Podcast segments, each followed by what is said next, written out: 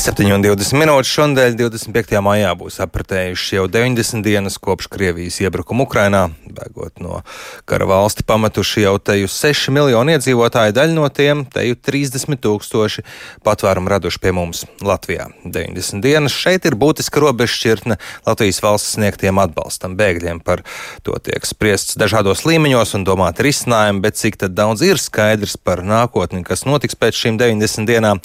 Šobrīd esmu sazinājies organizāciju organizācijas grib palīdzēt bēgļiem pārstāvi Lindu Jākapsonu. Labrīt! Labrīt! Kāda šobrīd ir situācija ar uh, palīdzību bēgļiem? Pietiekama, labi organizēta? Mēs uzskatām, ka līdz šim šī palīdzība ir bijusi salīdzinoši labi organizēta. Uh, ir ļoti laba sadarbība bijusi valsts pārvaldai, pašvaldībām, uzņēmējiem, nevalstiskiem sektoram. Mēs ļoti ātri noreaģējām kara sākumā un kopīgiem spēkiem tiešām ļoti daudz izdarījām, lai cilvēkus uzņemtu šeit Latvijā, un tie tiešām ir, eh, nu, kā rāda cipari, vismaz 30 tūkstoši iespējams, ka Iespējams, ka pat vairāk cilvēku. Eh, tā kā pirmajās 90 dienās, eh, mūsuprāt, mēs esam tiešām izdarījuši no, no visām iesaistītajām pusēm daudz.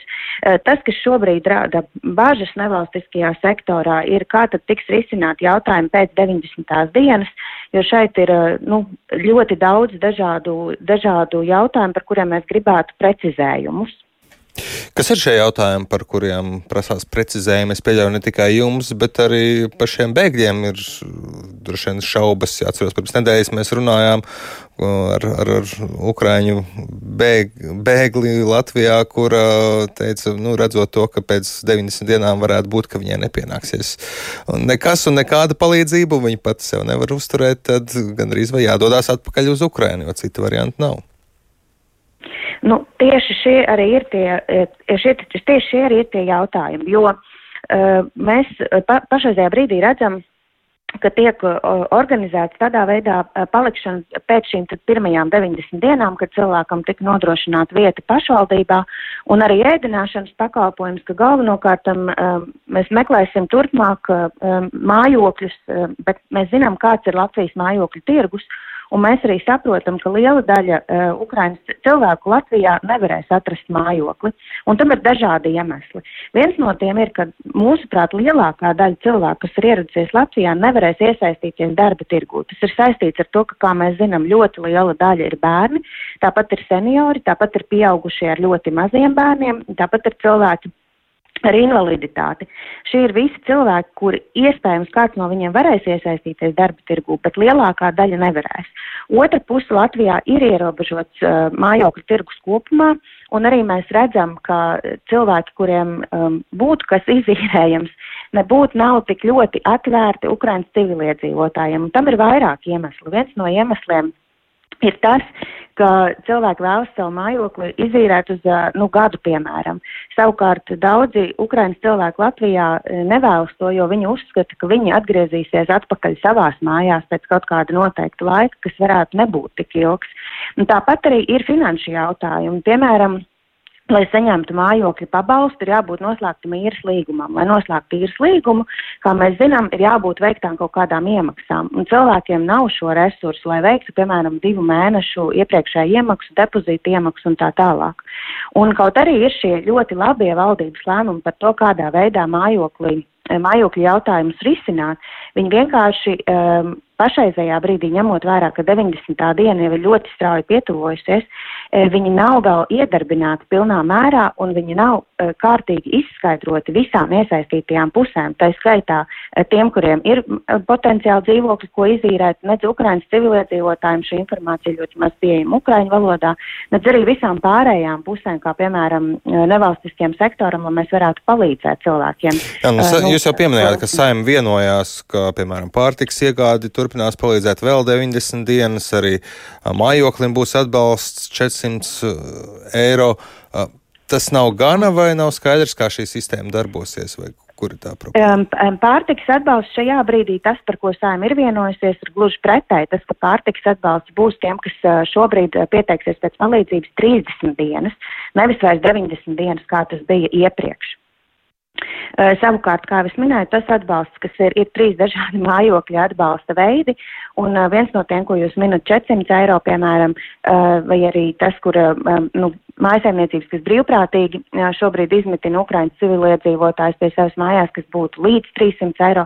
Tie ir ļoti labi pabalsta veidi, bet arī tie darbosies tikai 90 dienas, kas nozīmē, ka jebkurā gadījumā 91. dienā cilvēkam, kopš viņš ir sācis saņemt šo pakalpojumu un nav varējis iesaistīties nodarbinātības tirgu, un kā jau es minēju, lielākā daļai tas nebūs iespējams, ir jāmeklē šie risinājumi un jābūt skaidrībai par to, kas notiks ar šiem cilvēkiem. Nu, um, piemēram, tā var būt sieviete pēcdzemdības atvaļinājumā. Piemēram, kā tieši tas, kā, kas tieši ar viņu notiks, kur viņa varēs dzīvot. Un šobrīd atbildes nav, bet tās būtu vajadzīgas jau sākot ar šodienu. Nu, sākot ar šodienu, rītdienu, mēs ļoti ceram, ka, šie, ka šīs atbildes uh, nāks, ka šie risinājumi tiks meklēti. Nu, papildus tam arī ir um, ir jāmin tas, ka ir jādomā arī par, piemēram, ļoti garo vasaras, eh, vasaras brīvlaiku Latvijā. Nu, mēs pieņemam, ka liela daļa eh, bērnu paliks šeit vasaras, eh, visu vasaras laiku. Un mēs arī zinām, ka rudenī viņiem būs jāsāk mācības visiem skolās latviešu valodā. Līdz ar to mēs aicinām arī šo vasaras brīvlaiku izmantot tam, lai gan viņu vecāki varētu Eh, vai pieaugušie, ar, kur, ar kuriem viņi šeit ir, var iesaistīties arī darba tirgu.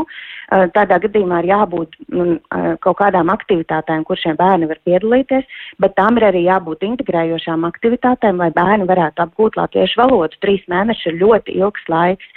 Protams, saprotam, ka visi šie bērni šeit nepaliks, bet daļa bērnu paliks. No valsts puses ir vēlme risināt šīs problēmas. Es gribētu teikt, ka vēlme droši vien, ka ir. Mēs šodien arī nevalstiskās organizācijas tiksimies ar ministru prezidentu, arī uzrunāsim šos jautājumus.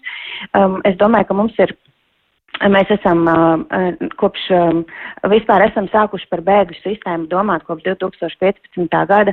Mēs uh, neesam daudzas lietas atrisinājuši, bet šis varētu būt tas brīdis, kad nu, mums ir sistēmiski jāskatās uz daudzām lietām un mums ir jāsaprot, ka mēs nevarēsim domāt vairs 90 un 90 un 90, jo droši vien daudz cilvēku šeit paliks eh, nu, kaut kādu ilgāku laika periodu. Nu, mēs, protams, nezinām, cik ilgi, un mēs ļoti ceram, ka visi varēs atgriezties mājās, cik nu, tas ātri vien ir iespējams, bet nu, mēs arī saprotam, klausoties arī ziņas, kāda situācija šobrīd ir Ukrainā.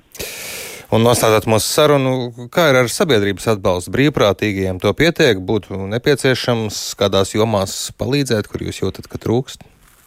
Es aicinātu katru, kam ir vēlme un iespējas un zināšanas iesaistīties brīvprātīgajā darbā.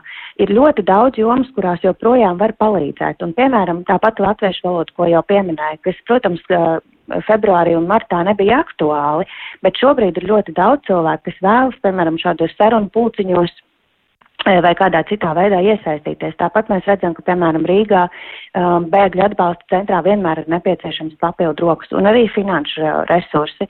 Kā jau daudz esam dzirdējuši, mēs uh, daudz esam, ļoti daudz esam ziedojuši, bet joprojām šie ziedojumi ir ārkārtīgi būtiski. Minēšu vienu piemēru, piemēram, dāvanu karti 50 eiro apmērā, ko cilvēki saņem pie reģistrācijas, varētu, varētu likties ka tā ir kaut kāda ekstra, bet patiesībā tā ir ļoti būtiska nepieciešamība, jo, ja cilvēks ierodas Latvijā absolūti bez naudas, tad viņam ir ārkārtīgi nepieciešams, ka viņam ir šis kaut vai mazais resurs, ar ko viņš var kaut vai nopirkt galvas sāpju tableti, viņam sāk sāpēt galva vai nopirkt bērnam kaut kādu īpašu pārtiku, ko viņi vēlas, vai jebko citu.